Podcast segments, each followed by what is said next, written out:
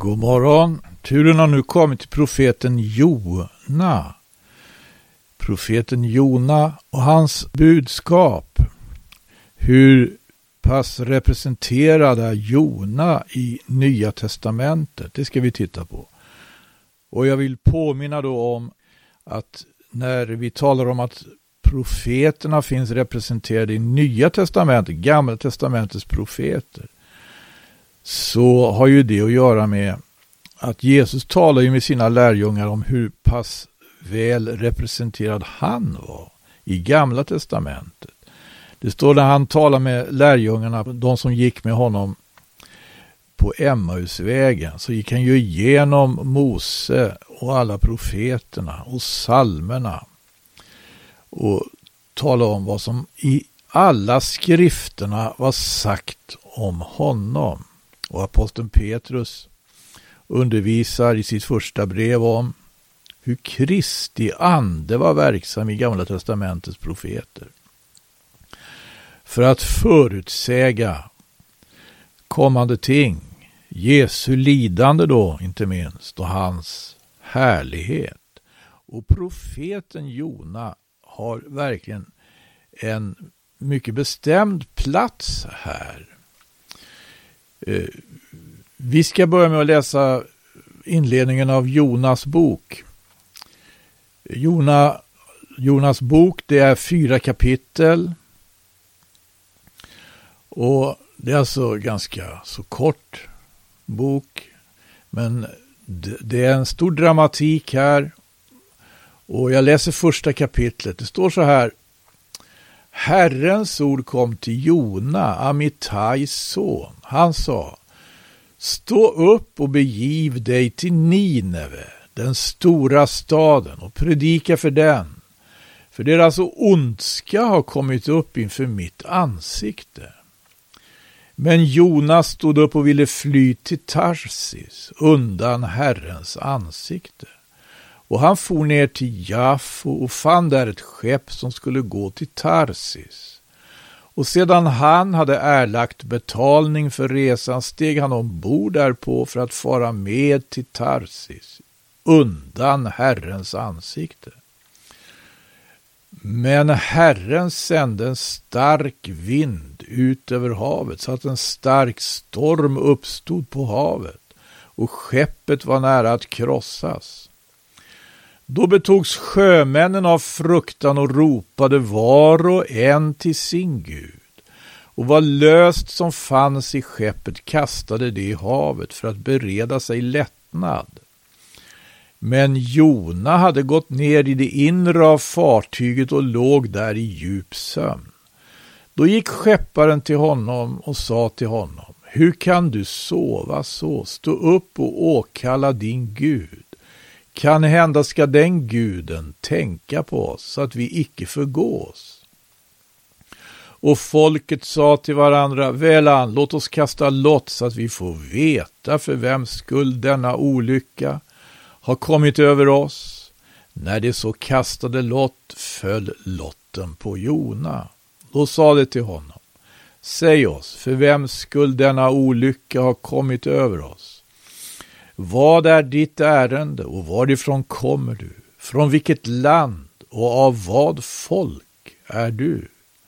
Han svarade dem, jag är en hebre och jag dyrkar Herren, himmelens Gud som har gjort havet och det torra.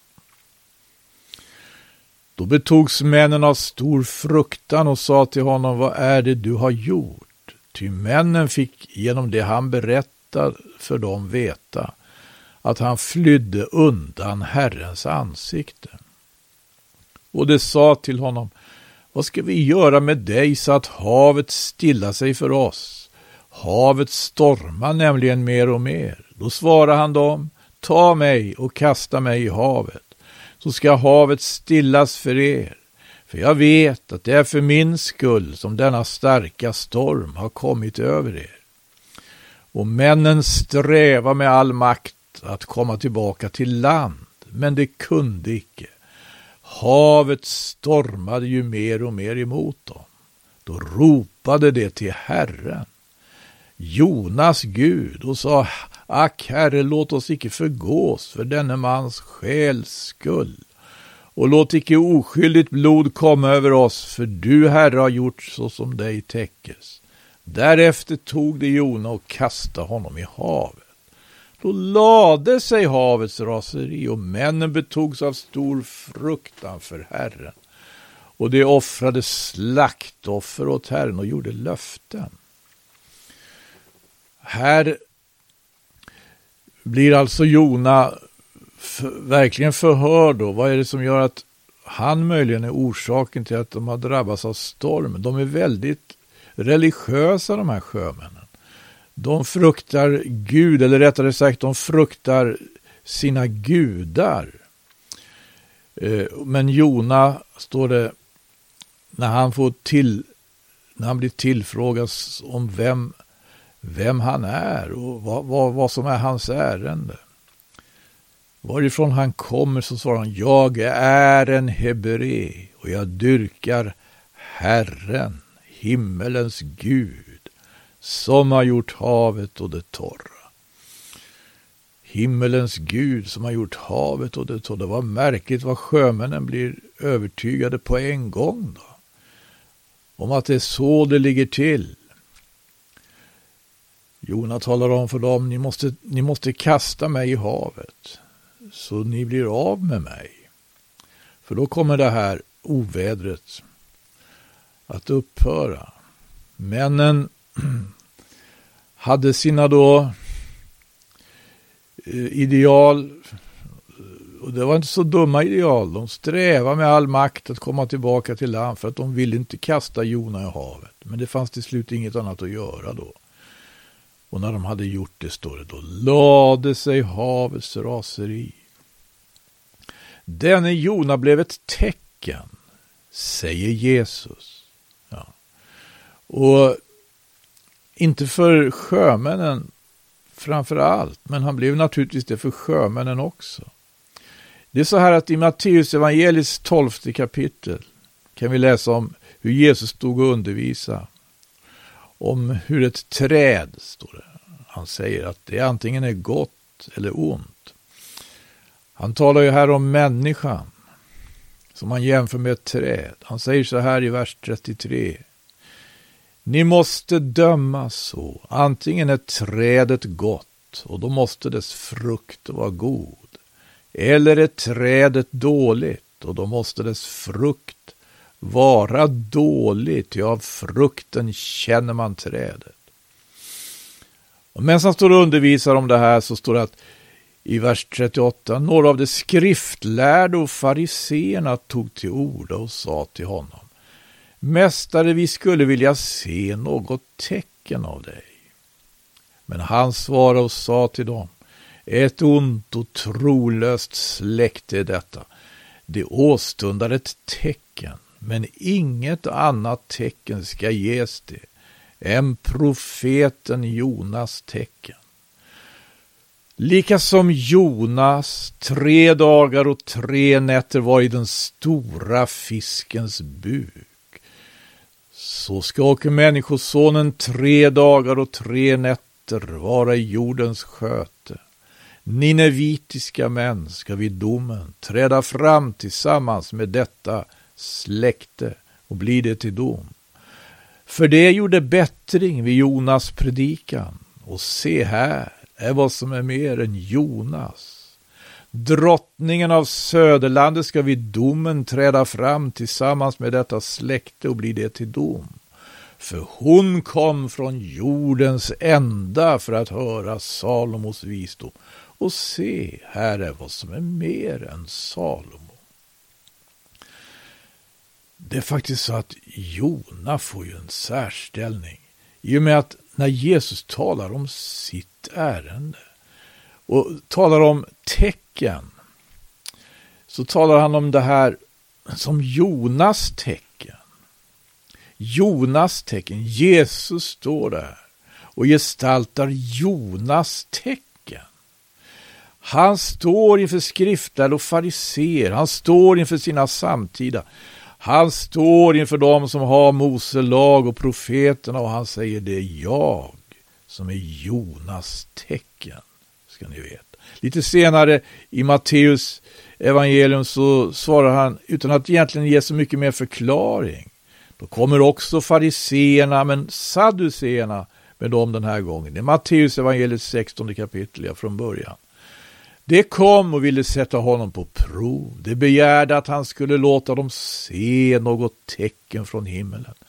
Men han svarade och sa till dem, om aftonen säger ni, det blir klart väder, för himmelen är röd. Och om morgonen, det blir oväder idag, för himmelen är mulen och röd. Ja, om him himmelens utseende förstår ni att döma. Men om tidernas tecken kan ni icke döma. Ett ont och trolöst släkte är detta. Det åstundar ett tecken, men inget annat tecken ska ges det än Jonas tecken. Och så lämnade han dem och gick sin väg. Den här gången sa han bara Jonas tecken utan att ge någon närmare förklaring. Lukas betygar att Jesus talar på det här sättet i Lukas evangelis elfte kapitel. Då står det att folket strömmar till. I 29 vers. Och Jesus sa detta släkte är ett ont släkte. Det begär ett tecken, men inget annat tecken ska ges det än Jonas tecken. Så som Jonas blev ett tecken för nineviterna, så ska också Människosonen vara ett tecken för detta släkte. Här jämför han inte så att säga sin, sitt, eh, si, sitt öde med Jonas då han talar om den stora fisken. Vi ska läsa vidare i Jonas bok. Vad var det som hände? De hade kastat Jona i havet, står det. Det står i andra kapitlet att Herren sände en stor fisk som slukade upp Jona. Och Jona var i fiskens buk tre dagar och tre nätter. Och där bad Jona till Herren medan han var i fiskens buk. Och det står att den stora fisken, en valfisk förmodligen på Herrens befallning, kastade upp Jona på land. Och så får Jona sitt uppdrag förnyat. Och det står i tredje kapitlet att Herrens ord kom för andra gången till Jona. Han sa, stå upp och bege dig till Nineve, den stora staden, och predika för den vad jag ska tala till dig. Jona hade det här uppdraget att gå till Nineve. Han skulle gå till Nineve. Och det här var inte till någon stad i Israel. Det var en stad och ett land utanför Israels domäner. Och det, det är inte bara på det viset alltså som Jona får förebåda evangelium. Evangelium som en gång skulle komma att predikas för alla folk. Men det blir ju senare i historien. Men här förebådar han evangelium och han, hans gärning och hans erfarenhet är alltså av den karaktären att Jesus kan jämföra sig med Jona och talar om sig som Jonas tecken och se, sitt öde. Det, det, här, det här är verkligen mycket intressant. Vi vet att när lärjungarna frågar Jesus om vad som ska bli tecknet på hans tillkommelse, han har ju talat om sin tillkommelse i härlighet. Det är ju inte den tillkommelse som de själva hade bevittnat. Mer än att han var härlig, för det var han ju. Och han gjorde härliga ting. Men han syntes vare sig för dem eller för andra människor som någonting annat än en människa bland människor. Han stod ju där som en som var jude liksom de själva var. Och när de, till, när de frågar honom om vad som ska ske i samband med att hans andra tillkommelse ska äga rum. Då talar han om vissa tecken. Och då hämtar han, kanske framför allt hämtar han då eh, från, som vi har sett på ett tidigare program här, eh, så hämtar han skriftställena eh, från profeten Daniel. Han talar särskilt om ett tecken som ska komma i samband med slutfasen. Han, han talar om det stora helgerånet som ska äga rum i slutfasen. Då en väldig förödare ska uppträda. Förödare, som föröder. Han talar om en stor vedermöda. Det här så att säga utgör tecken på att hans andra tillkommelse är nära. Men det finns tecken nu också på att det han står och går i när han var där, det har alltså verkligen Eh, särskild betydelse. Det är Jonas tecken. Det är Jonas tecken. Jona eh, som eh, bad. Och hur bad han? Vi, vi kan läsa i, i kapitel 2 medan han var där i fiskens buk. Herren sände en stor fisk, står det, som slukade upp Jona. Och Jona var i fiskens buk tre dagar och tre nätter. Och Jona bad till Herren sin Gud i fiskens buk. Han sa, jag åkallade Herren i min nöd och han svarade mig. Från dödsrikets buk ropade jag och du hörde min röst. Du kastade mig i djupet mitt i havet och strömmen omslöt mig. Alla dina svallande böljor gick över mig. Jag tänkte då jag är bortdriven från dina ögon, men jag ska åter få skåda upp mot ditt heliga tempel. Vatten omvärde mig in på livet, djupet omslöt mig, sjögräs omsnärjde mig, mitt huvud. Till bergens grund sjönk jag ner, jordens bommar slöt sig bakom mig för evigt, men du förde min själ upp ur graven, Herre min Gud. När min själ försmäktade i mig, då tänkte jag på Herren, och min bön kom till dig i ditt heliga tempel. Det som håller sig till fåfängliga avgudar, det låter sin nåds Gud fara. Men jag vill offra åt dig med högljudd tacksägelse. Vad jag har lovat vill jag infria. Frälsningen är hos Herren. Och på Herrens befallning kastade fisken upp Jona på land. Och så fick han sitt uppdrag förnyat. Att gå till Nineve den stora staden och predika för den och jag ska tala till dig. Och det gjorde han. Jesus talar om det här. Jesus upplevde det här att vara i dödsriket. Och liksom Jonas bad och ropade till Gud så står det att det gjorde Jesus också. Han eh, står det i Hebreerbrevet, i Hebreerbrevets femte kapitel vill jag minnas, så har vi det här att med starkt rop och tårar frambar han. I Hebreerbrevets femte kapitel och sjunde vers, det här handlar om Jesus, med starkt rop och tårar frambar han under sitt kötts dagar böner och åkallan till den som kunde frälsa honom från döden. Och han blev bönhörd och tagen ur sin ångest. Och det här hör ju också till eh, apostlarnas predikan när de talade om Jesus. Gud, säger Petrus på pingstdagen, Gud gjorde en ände på dödens vånda och lät honom uppstå eftersom det inte var möjligt att han skulle kunna behållas av döden. 24 versen i Apostlagärningarnas andra kapitel. Och på ett liknande sätt, jag vet inte det, men alltså när Jesus hade varit med om det här, han hade faktiskt dött han hade blivit korsfäst, han hade dött och han hade befunnit sig i graven över tre dagar. Och uppstått från de döda. Gud uppväckte honom från de döda. Så var det tid att gå ut till nationerna. Det var inte det att Jesus var ovillig att gå till nationerna.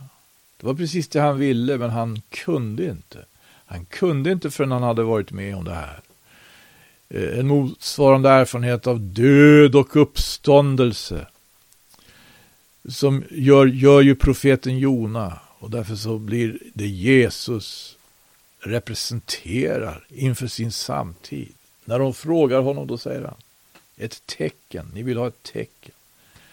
Ni ska inte få något annat tecken än profeten Jonas tecken. Det var tid att gå till Nineve och Jona gick till Nineve med budskapet han hade fått från Gud. Vi läser i tredje kapitlet vidare i tredje versen. Då stod Jona upp och begav sig till Nineve så som Herren hade befallt. Men Nineve var en stor stad inför Gud, tre dags resor lång. Och Jona begav sig på väg in i staden, en dagsresa, och predikade och sa det dröjer ännu 40 dagar så ska Nineve bli omstörtat. Det här var hans budskap. Och enligt Lukas så var det här också hans tecken. När Jonas kom och hade varit med om det här, att han hade eh, varit eh, alltså, praktiskt taget i dödsriket och uppstått från de döda. Och kommer med det här budskapet. Då står det, då gjorde nineviterna bättring. De gjorde bättring.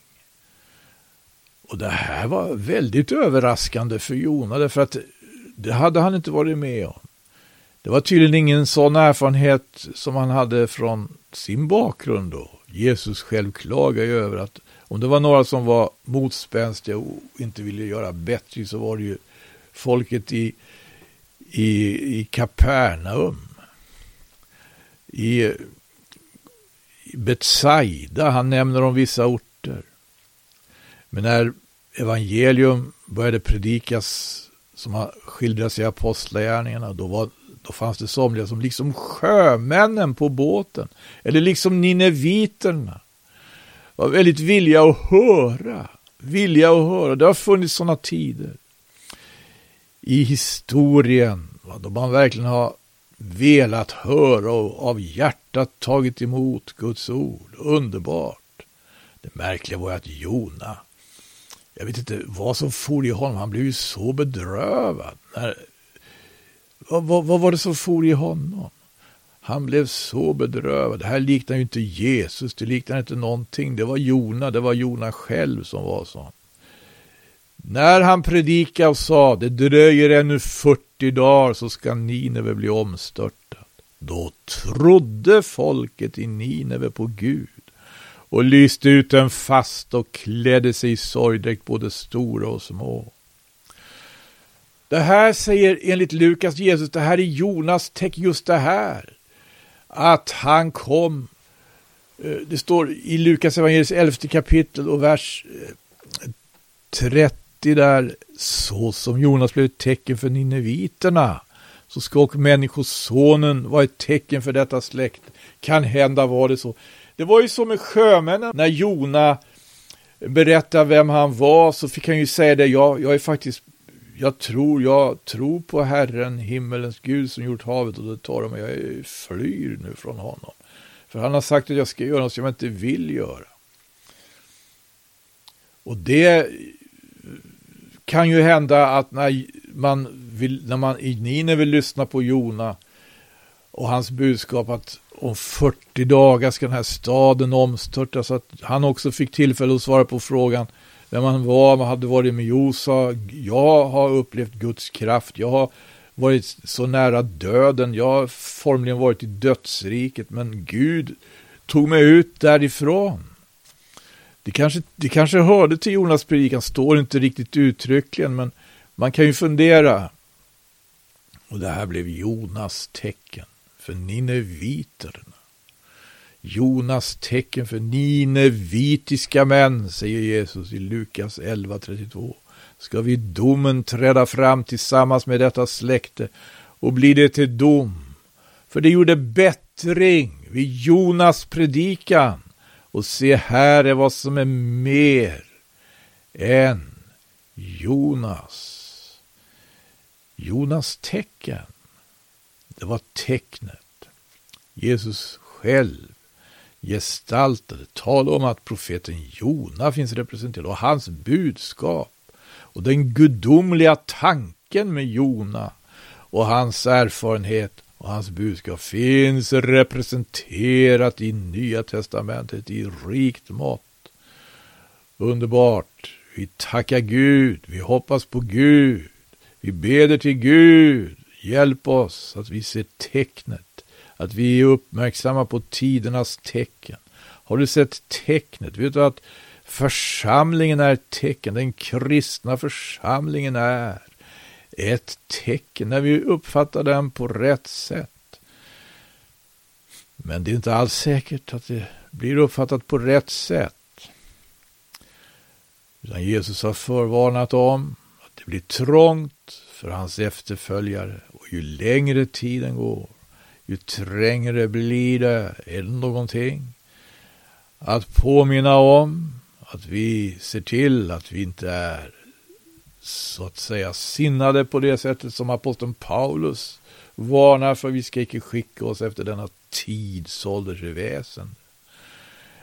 Utan låt oss förnyas och vara redo, ständigt vara redo och ge skäl för det hopp vi hyser. Dock med saktmod och i fruktan, enligt en annan apostel. Gud hjälp oss.